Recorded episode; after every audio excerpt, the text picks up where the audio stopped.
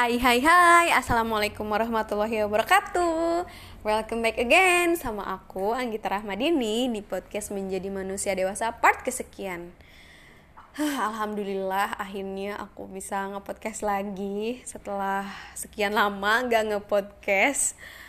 Um, Aku mau minta maaf juga sama kalian semua Karena baru bisa nge-podcast lagi. Karena sejujurnya akhir-akhir ini tuh banyak banget aktivitas dan hal yang harus dikerjain dan dituntaskan pastinya makanya baru bisa nge-podcast lagi tapi nggak apa-apa. Oke, okay, pasti kalian bertanya-tanya podcast kali ini tentang apa sih gitu ya Walaupun udah ada bocorannya sih sebenarnya di title podcastnya Tapi nggak apa-apa. Jadi di podcast kali ini aku bakal bahas requestan kalian semua Yaitu tentang kursus bahasa Inggris di Winglish Bandung. Nah, langsung aja ke pertanyaan yang pertama. Aku kursus di mana sih gitu kan? Alamatnya di mana sih kak? Gitu. Alamatnya di Jalan Geger Kalong Wetan nomor 3 Sukasari Bandung. Itu alamat kursus aku ya yang aku kursusin tempat aku kursus. Nah sebenarnya untuk kampung Inggris Bandung ini dia tuh sebenarnya bukan cuma di Bandung aja jadi dia tuh ada di Jatinangor juga. Tapi aku ngambil kursusnya yang di Bandung gitu. Pertanyaan yang kedua adalah jenis programnya jadi untuk di Kampung Inggris Bandung ini ada dua jenis program. Yang pertama adalah program speaking dan yang kedua adalah program TOEFL. Kalau program yang aku ambil adalah program TOEFL. Tapi aku bakal ceritain sedikit sedikit-sedikit tentang program speakingnya. Nah, kalau misalnya untuk program speaking, biayanya itu disesuaikan sama lamanya kita kursus dan menginap atau enggak. Nah, yang pertama itu ada yang menginap dulu. Nah, kalau misalnya nginap itu yang dua minggu tuh satu juta dua ratus, yang empat minggunya 2 juta, terus yang 8 minggunya tuh tiga juta tujuh ratus. Itu kalau yang nginep. Kalau yang nggak nginep itu yang dua minggunya tuh jadi sembilan ratus ribu, yang empat minggunya jadi satu juta tujuh ratus dan yang 8 minggunya jadi tiga juta seratus. Dan perbedaan antara yang nginep sama yang gak nginep tuh biayanya lumayan signifikan. Makanya ya buat orang yang di sekitaran Bandung sih lumayan banget ya gitu nggak usah nginep. Jauh lebih hemat jatuhnya gitu. Nah kalau yang kedua untuk yang program TOEFL itu uh, ada yang dua minggu sama yang empat minggu. Dan sistemnya sama menginap atau nginep sama yang nggak nginep gitu ya. Nah kalau misalnya yang menginap yang dua minggunya itu satu juta dua ratus dan yang empat minggunya 2 juta. Tapi kalau yang nggak nginep dua minggunya tuh jadi 900 ribu terus yang empat minggunya jadi satu juta tujuh ratus. Itu biayanya dari masing-masing kelas dari masing-masing program. Nah setelah itu uh, fasilitas. Fasilitas apa aja sih yang didapetin di uh, kampung Inggris Bandung ini terutama yang di daerah Bandung? Kalau misalnya yang di daerah Bandung tempat aku kursus itu khusus untuk dorm yang perempuan tapi ya uh, sebenarnya kan dormnya ada dua. Ada dorm untuk laki-laki dan perempuan. Jadi tenang aja dipisah dormnya gitu ya dormnya uh, kalau misalnya yang aku yang perempuan itu uh, rumahnya luas banget kamarnya juga luas banget uh, dapat fasilitas wifi-nya bagus terus masuk ke roomnya masing-masing room masing-masing kamar itu dapat fasilitas tempat tidur lemari yang udah termasuk hanger juga terus bantal guling dan istimewanya kamar aku tuh dia kamar man kamar mandinya tuh ada di dalam terus paling luas dan uh, view-nya tuh langsung ke taman gitu. Jadi begitu buka jendela atau buka pintu tuh langsung menghadap ke taman. Bagus banget pokoknya. Makanya pada pengen di kamar aku kan Nah, itu fasilitasnya. Di samping fasilitas e, kamar dan lain sebagainya, kita juga dapat fasilitas dapur umum. Jadi kalau misalnya mau masak, bisa di sana karena peralatannya juga udah lumayan lengkap. Jadi tinggal beli bahan-bahannya aja. Kalau misalnya fasilitas yang berkaitan sama pembelajaran, itu kita dapat handbook sama buku. Kalau yang kalau yang untuk program TOEFL tapi ya. Kalau misalnya program yang speaking aku uh, kurang tahu jelas gitu ya fasilitas yang didapetin tuh apa. Tapi yang jelas kalau untuk buku pasti dapat juga sih dua-duanya. Nah kalau yang program aku yang TOEFL itu dapat 4 buku. Yang dua minggu tapi ya aku kan ambil yang dua minggu itu dapat empat buku e, tiga bukunya adalah buku handbook terus yang buku keempatnya adalah buku booster yang handbook itu ada buat latihan reading, structure, sama buat listening. Nah, buku yang terakhir itu buku booster. Jadi buku booster itu e, isinya tuh rangkuman atau gabungan dari semua materi dari tiga handbook itu. Nah, itu fasilitas yang didapat buat pembelajaran. Kalau misalnya untuk jadwal kelas, jadwal kelasnya itu kita kelas dari hari Senin sampai hari Jumat. Jadi buat kalian semua nggak usah khawatir karena kita butuh waktu misalnya butuh waktu untuk istirahat atau butuh waktu untuk liburan atau untuk sekedar main gitu ya misalnya hangout sama temen gitu. Itu ada waktunya tuh Sabtu sama Minggu. Nah itu waktu liburnya. Nah dari Senin sampai Jumat itu untuk program TOEFL dia belajarnya tuh dari jam setengah sembilan sampai jam 3 sore yang wajibnya. Jadi ada kelas wajib dan ada kelas tambahan. Kelas wajibnya itu dari jam setengah sembilan sampai jam 3 setelah itu istirahatnya ya paling cuma buat makan sama sholat. Lanjut lagi ada kelas tambahan dari jam 3 sampai jam 5 sore. Nah e, kelas tambahannya ini kita bisa milih tuh. Misalnya kita mau ikut kelas tambahan tentang grammar boleh. Atau ikut tambahan kelas speaking. Jadi uh, yang kelas TOEFL bisa ikut kelas tambahan speaking, begitupun kelas speaking boleh ikut kelas tambahan yang berkaitan sama grammar sama vocab gitu.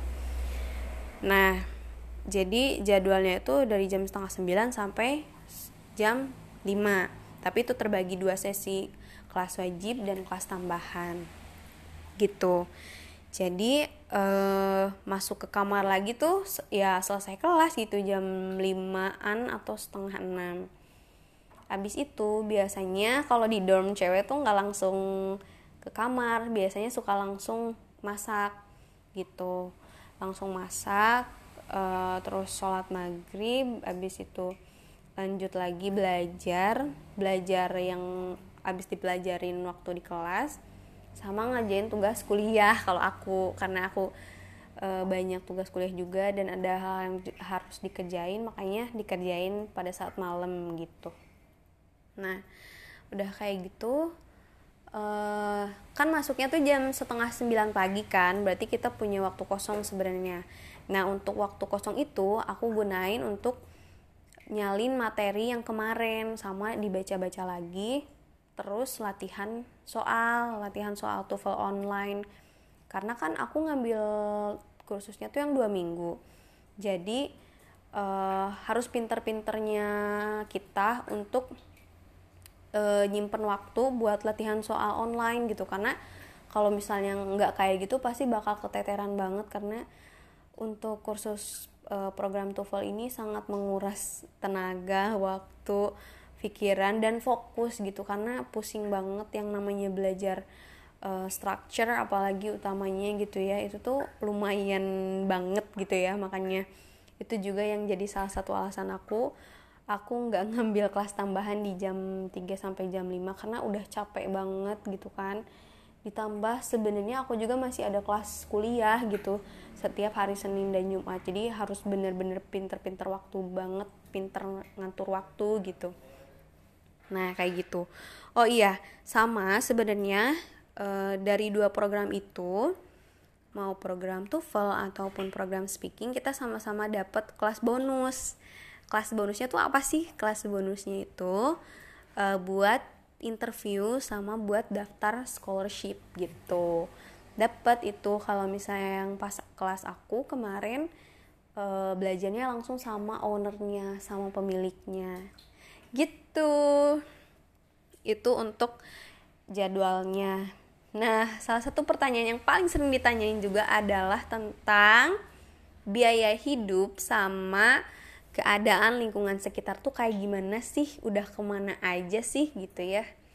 Kalau misalnya untuk biaya hidup, um, mungkin aku nggak bisa terlalu menjelaskan terlalu detail dan transparan karena kalau misalnya untuk biaya hidup kan itu uh, preferensi masing-masing ya referensi masing-masing. Kayak kalau misalnya orang tipe orang yang hedonnya tinggi hedonismenya banget banget gitu ya mungkin bakal jauh lebih boros sih. Tapi kalau misalnya aku sendiri aku lebih mengutamakan hal-hal yang jadi kebutuhan aku di sana gitu. Walaupun uh, ada beberapa waktu juga aku ikut keluar gitu sama teman-teman di dorm gitu ya sama adik-adikku. Karena uh, di dorm aku tuh kebanyakan mereka baru baru lulus SMA gitu. Dan ada juga yang ngambil gap year gitu. Jadi sambil persiapan juga kuliah gitu.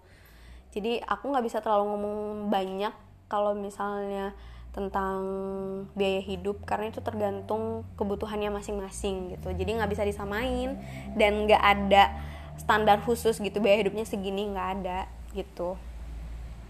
Kalau yang tentang keadaan lingkungan sekitar um, karena di Gegara Kalong Wetan ini kalau menurut aku ya menurut aku ini termasuk wilayah perumahan yang elit uh, yang eksklusif gitu ya. Makanya sebenarnya gak sembarangan orang bisa masuk dan uh, ada pos penjagaannya juga ditambah lagi aku kan kursusnya pas lagi pandemi tuh makanya makin ketat penjagaannya. Sampai setiap sore tuh selalu ada polisi yang patroli gitu. Dan waktu itu juga sempat ngobrol-ngobrol juga gitu sih polisinya ramah-ramah banget. Uh, kalau misalnya untuk tetangganya sejujurnya aku nggak terlalu berinteraksi sama tetangga-tetangga di sana karena kalau misalnya tetangga di perkotaan itu kan apalagi di perumahan yang eksklusif gitu ya kan itu cenderung individualis gitu ya. Makanya aku di sana nggak terlalu berinteraksi sama tetangga. Tapi lingkungannya baik eh, terus juga satpam di sana juga baik security di sana baik. Hmm, kalau misalnya tentang fasilitas umum itu hari pertama hari pertama banget aku check in ke sana. Itu aku kan paling pertama ya check in ke sana tuh pas tanggal 28 September tuh. Makanya aku sempet banget untuk e, nyempetin banget gitu untuk kayak nyari tahu ATM di mana Indomaret di mana minimarket rutenya di mana adanya di mana pasar di mana warung sekalipun gitu aku cari gitu. Karena ya buat ke depannya gitu dan ternyata alhamdulillahnya ya Allah fasilitas umum kayak ATM, Indomaret, warung, pasar, minimarket itu tuh ternyata nggak terlalu jauh dari dorm gitu. Bahkan jalan kaki pun nyampe. Ya 5 menit sampai 10 menit aja itu nyampe gitu. Deket banget enak banget lah pokoknya fasilitasnya. Itu keadaan lingkungan sekitar. Jadi eh, aku nggak terlalu berinteraksi sama tetangganya karena ya kita uh, kebanyakan sih diem di dorm ya ngobrol-ngobrol dan segala macem nugas pastinya tetap as always di mana pun gitu. Uh, sama ya paling sesekali main lah. Selama di sana tuh aku main paling ke mana ya? Ke pizza place terus ke Northwood terus ke mana lagi ya ke oh iya ada satu kafe tapi sampai sekarang lucunya adalah aku nggak tahu nama kafe itu tuh apa gitu. Uh, dan setiap kali ke kafe itu selalu ada kejadian lucu.